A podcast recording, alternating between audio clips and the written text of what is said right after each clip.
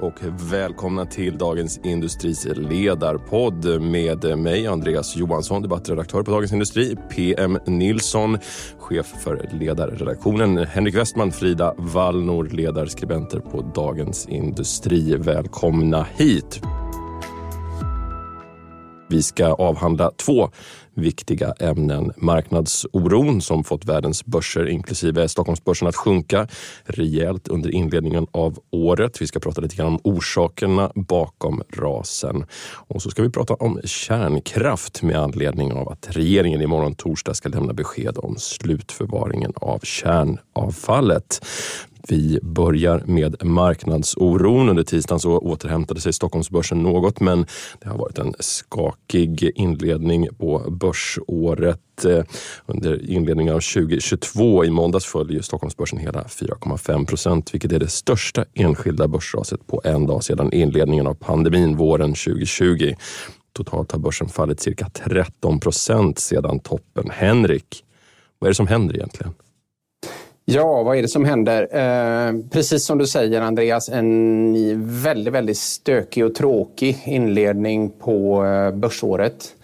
Eh, de första dagarna var det ju faktiskt bra, men sen har det gått väldigt, väldigt eh, snabbt utför.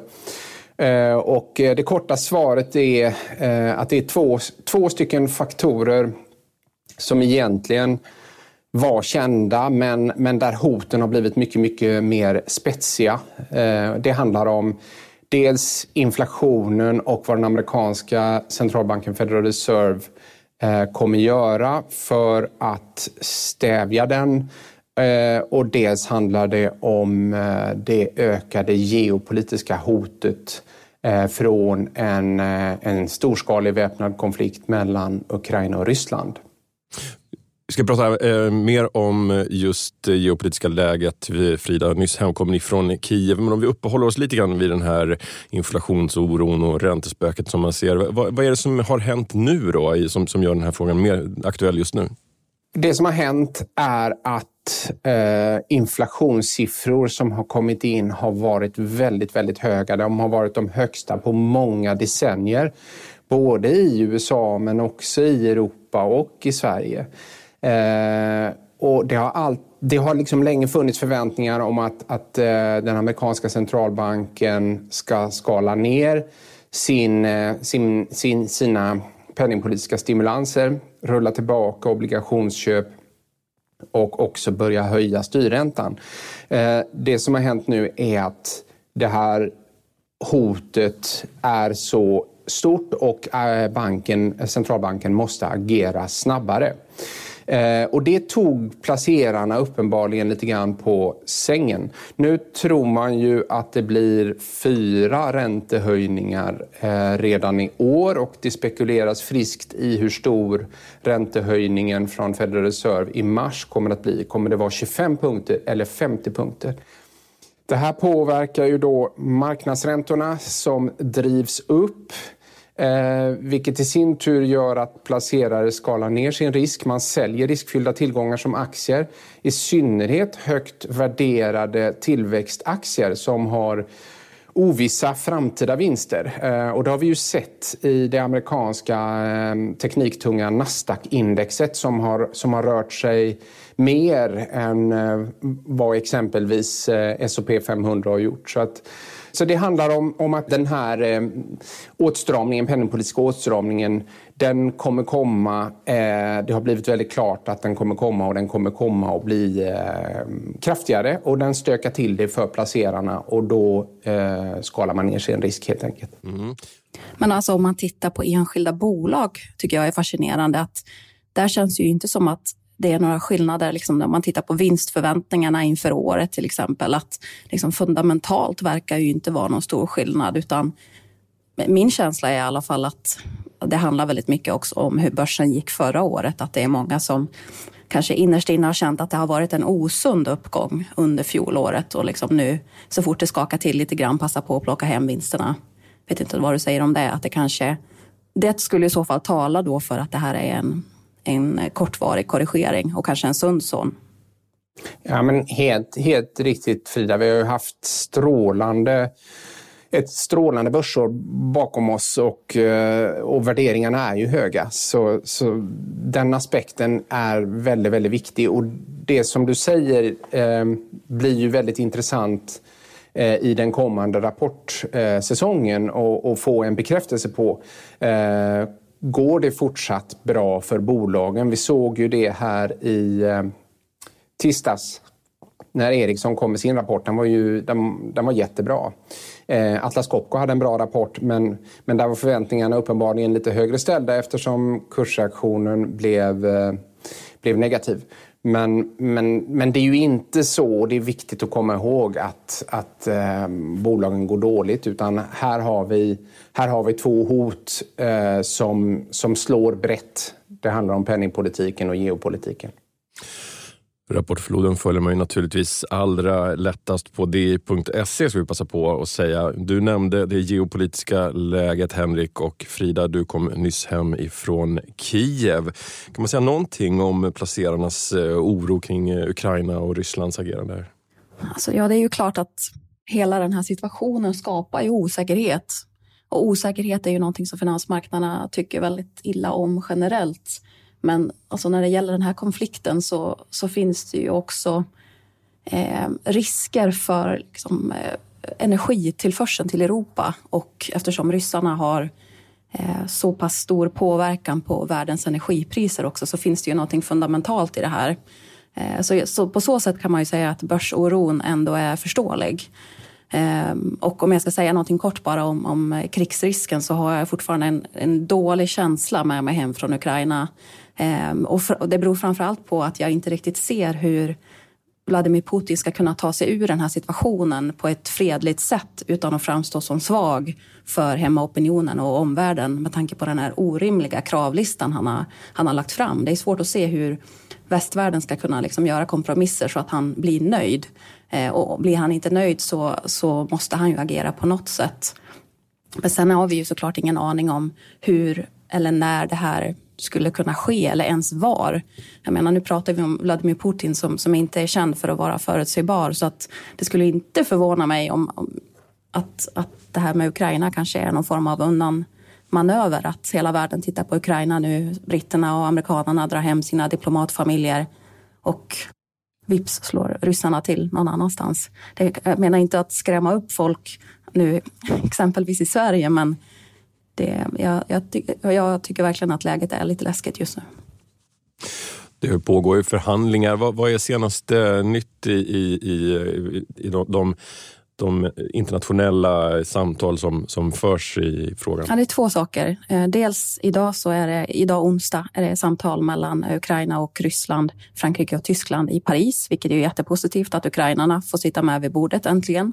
Och i veckan ska också USA lämna skriftliga eh, svar på hur man kan gå ryssarna till mötes när det gäller deras, deras krav, vilket är lite eh, komiskt att amerikanerna nu liksom lämnar in sin läxa. Så vi får se vad som sker efter det, men, men det, det fortsätter i alla fall det diplomatiska spåret, vilket vi får se som positivt. Hur är det med de här robotsköldarna, Frida? Är det någonting som man eventuellt kan komma överens om som hittills har legat lite utanför liksom, den mer centrala debatten? Ja, men det tror jag. Men också det här med transparensen kring militära övningar verkar ju vara någonting som, som man pratar om att Nato kanske i större utsträckning framöver ska, ska behöva anmäla när man genomför militära övningar i Rysslands närområde. Men om man kan prata om robotsköldar och, och den typen av frågor så hade det varit fantastiskt positivt. Men jag tror inte jag vill hoppas på det. Mm, Henrik, du skrev en text i veckan eh, om att marknaderna brukar komma över den här typen av politisk risk ganska snabbt. Eh, har du några exempel på det? Eh, ja, det har jag. Och jag tycker ju det där som Frida säger är väldigt oroväckande. Och också ett tydligt exempel på eh, hur placerare påverkas av geopolitik. Eh, det, det, finns intressant forskning kring det här som ekonomer bland annat på Federal Reserve har gjort. De har dessutom konstruerat ett ett, ett särskilt index som heter Geopolitical Risk Index. Eh, och där ser man att eh, den geopolitiska risken i världen den, den har rört sig uppåt i trappsteg sedan mätningarna började 1985. Eh, och, och, och, det är just när det kommer till geopolitisk risk så är det, så är det just det upplevda hotet inför en, en konflikt som är det som, som är det riktigt negativa. Eh, inte bara för placerare utan för ekonomier naturligtvis eh, överhuvudtaget. Företag skjuter upp investeringar och nyanställningar. Man vågar helt enkelt inte ta, ta beslut. Och sen, sen så ser man då ett, ett, ett, ett återkommande mönster. Vi är specialister på det vi gör, precis som du. Därför försäkrar vi på Swedea bara småföretag, som ditt. För oss är små företag alltid större än stora och vår företagsförsäkring anpassar sig helt efter firmans förutsättningar. Gå in på swedea.se företag och jämför själv. Där det finns ett samhälle, där finns det brott. Krimrummet är podden som tar brottsligheten på allvar. Jag bjuder in landets ledande experter och tar upp aktuella rättegångsfall för att begripliggöra den kriminalitet som kryper allt närmare. Du, alltså, du kan knäcka ett eller några gäng, men det kommer komma nya och så kan vi knäcka dem sen. Men att du ska knäcka allt forever, det kommer aldrig ske. Det är infinite gain. Lyssna på Krimrummet, en podd från Expressen med mig Kim Malmgren. Och det har man sett då exempelvis vid Kuwaitkriget i början på 90-talet. Eh, Irakkriget 2003, den ryska annekteringen av Krim 2014 var det väl. Eh, att det blir en väldigt kraftfull initial reaktion när sånt här eh, sker. Eh, men ganska snart så, så ehm, börjar placerarnas aktörer och, och helt enkelt smälta detta och, eh, och, och kurser eh, vänder uppåt igen. Eh, och, och jag tycker det är lite hoppingivande att länder och, och marknader de, de, de finner en väg framåt trots det här alldeles oerhörda som kan inträffa som exempelvis ehm, eh, det som skedde i New York då, eh, 11 september. Vi ska kasta oss över ett eh, favoritämne på ledarredaktionen, nämligen kärnkraften. Torsdag den 27 januari har eh, klimat och miljöminister Annika Strandhäll utlovat besked i, i frågan om slutförvaret av kärnkraften. Eh, PM, det här var på tiden. Eh, ja, det beror på hur man ser det. Det finns ju starka skäl för att ta det här beslutet. Sen finns det några, några legitima skäl att inte ta det. Ett sånt som vi har pickat på tidigare är att man kan eh, bränna det här kärnbränslet flera gånger om i den så kallade fjärde generationens kärnkraftverk. Blykylda och eh, det finns ett antal olika projekt som forskar på det här just nu. Eh, och man plockade ut då 3 eller 4 procent tror jag av energiinnehållet i uranet i den nuvarande tekniken. Så resten finns ju kvar och det kärnavfall som vi har i Sverige skulle Sverige kunna leva på i tusen år menar man ifall man skulle använda den här tekniken. Och Det är ju ett skäl till att inte gräva ner den. Det har ju dock inte varit Miljöpartiets skäl om man säger så. Utan de har pekat på eh, de forskare som säger att eh, tekniken inte är riktigt mogen och det är inte färdig, färdigutrett och eh, de, de här kopparkapslarna kan rosta och sådär.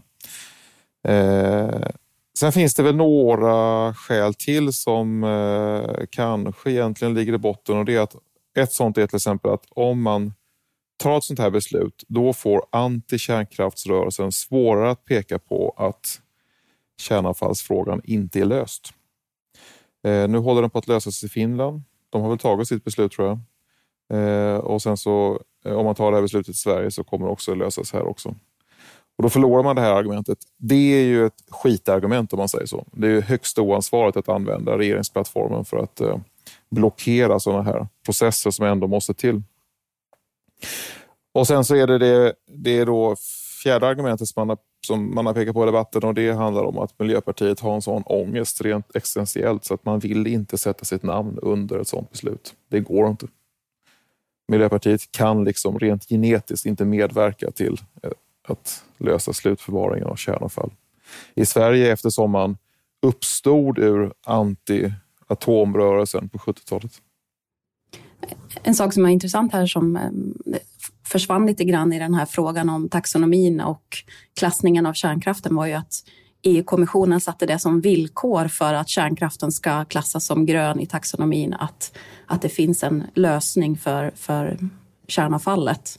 Ehm, så att på så sätt så bidrar man ju kanske lite grann till att, att skapa incitament för att fler länder ska lösa den här frågan, vilket jag tycker är väldigt intressant. Mm. Att det har tagit så lång tid att komma till ett beslut i frågan, då, är, är det, beror det på Miljöpartiets existentiella ångest eller finns det några andra orsaker? Alltså MPs fiender eh, menar ju det. Och det här att eh, det gick så snabbt när MP försvann ur regeringen pekar ju på att det, det, att det var så. Eh, och om det är så så diskvalificerar sig ju Miljöpartiet egentligen för en regeringsmedverkan. Eh, om man inte kan ta sådana här beslut som en regering måste ta, då kan man ju inte skilja på sina olika roller. Det är ju en väsensskild sak att sitta i regering och att vara ett parti. Det är två helt olika saker. Om man som parti inte förstår det, vilket händer de här småpartierna ibland, då kan man inte vara med. Eh, S vet sen, jag höll på att säga sekler tillbaka, att det är skillnad på att bedriva valrörelse och att sitta i regeringen. M känner också till det. Men MP har haft svårt att förlika sig med det. Eh, men som sagt, när Per Bolund eh, pratade om detta så pekade han ju på de här eh, forskarna som menar att frågan inte är riktigt färdigutredd. Jag tror dock att man vid varje historisk tidpunkt kan hitta enskilda forskare som menar just detta. En av poängerna med forskarsamhället är ju att man är oenig. Men en regering måste ju någonstans eh, ta det här beslutet så att kärnkraften kan fungera med sin logistik. Företrädare för Centerpartiet skrev på det i debatt i veckan att kärnkraften inte går att lita på i krig och därför inte är ett kraftslag som Sverige borde satsa på med tanke på säkerhetshotet mot Sverige. Vad säger du om den analysen Frida? Jag tycker det är lite en märklig analys. Alltså med, med det här resonemanget att man inte ska kunna lita på, på kärnkraften för att den skulle kunna slås ut i krig. Då, då kan man ju undra liksom, vad är det då för infrastruktur vi ska ha i Sverige? Alltså flygplatser och hamnar kan också slås ut i krig, men de behöver vi. Och vindkraftverk kan också slås ut i krig. Så det här tycker jag verkar vara ett sätt från Centerpartiet att använda det spända säkerhetspolitiska läget för att eh, klanka ner på kärnkraften som, som det är ju väldigt känt att man inte eh, har ett så gott öga till. Eh, jag menar, det, det, jag tycker man ska göra om, om man verkligen bryr sig om svensk säkerhet är att bygga mer kärnkraftverk, rusta upp försvaret, gå med i Nato så skulle ju både kärnkraftverken och svenska energiförsörjningen och landet i övrigt bli mer säkert. Jag tycker att det här är en märklig argumentation. Du nämnde Finland här tidigare eh, om, som också beslutat om sitt eh, slutförvar. Hur, hur, står sig Sverige i ett internationellt perspektiv just i, eh, i eh, kärnfrågan? Vi vet till exempel i Frankrike så satsar man ganska mycket på de här fjärde generationens eh, nya kärnkraftverk. Hur, hur, står vi oss i ett internationellt perspektiv? Jag tror att det är Finland som, som går i täten för den här utvecklingen. Eh, som PM nämnde så fattar man ju beslut, den finska regeringen, redan 2015. Eh, att man fattade beslut om ja för den här planen för slutförvaringen. Eh, och året efter så börjar man faktiskt bygga den här anläggningen som ska ta emot de här kopparkapslarna eh, med utbränt kärnbränsle. Och vilket, det här är i det här området som heter Olkiluoto, alltså det här samma plats där man just har färdigställt den här senaste reaktorn som man har byggt. Och 2025 så väntas den här anläggningen börja, börja fyllas. Eh, men vad jag förstår så är ju det här precis samma metod som Sverige har utrett. Eh, och finnarna var ju till och med eh, något år senare inne med sin ansökan om att få göra det här. Men man ligger redan långt fram i tiden.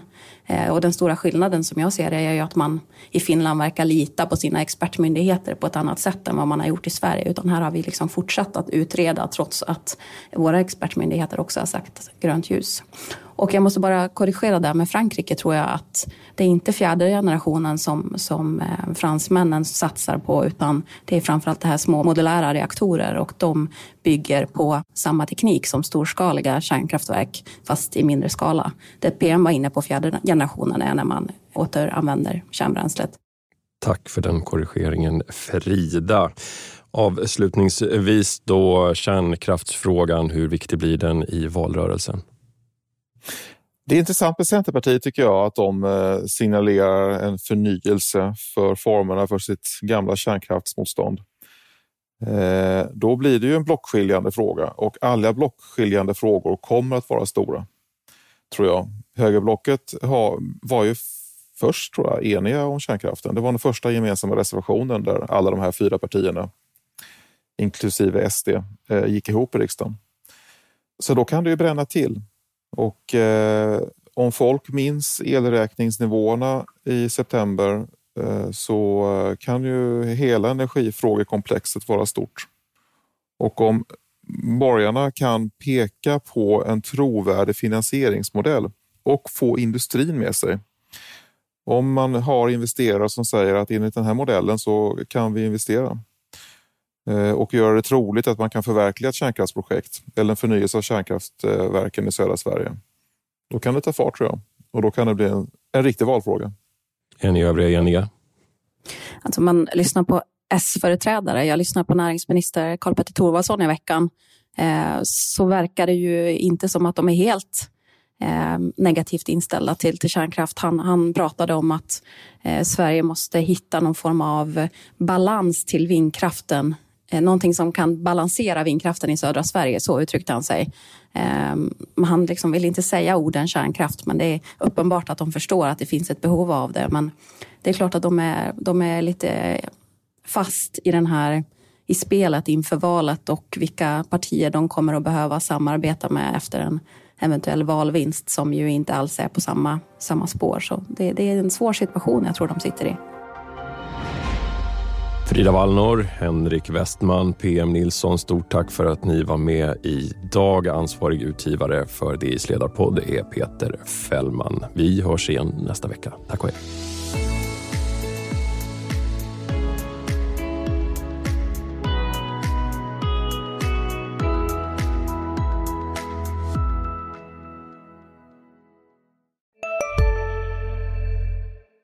Hej, Synoptik här. Hos oss får du hjälp med att ta hand om din ögonhälsa. Med vår synundersökning kan vi upptäcka både synförändringar och tecken på vanliga ögonsjukdomar. Boka tid på synoptik.se.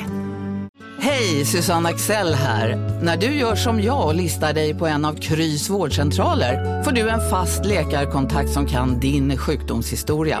Du får träffa erfarna specialister, tillgång till lättakuten och så kan du chatta med vårdpersonalen. Så gör ditt viktigaste val idag, lista dig hos Kry.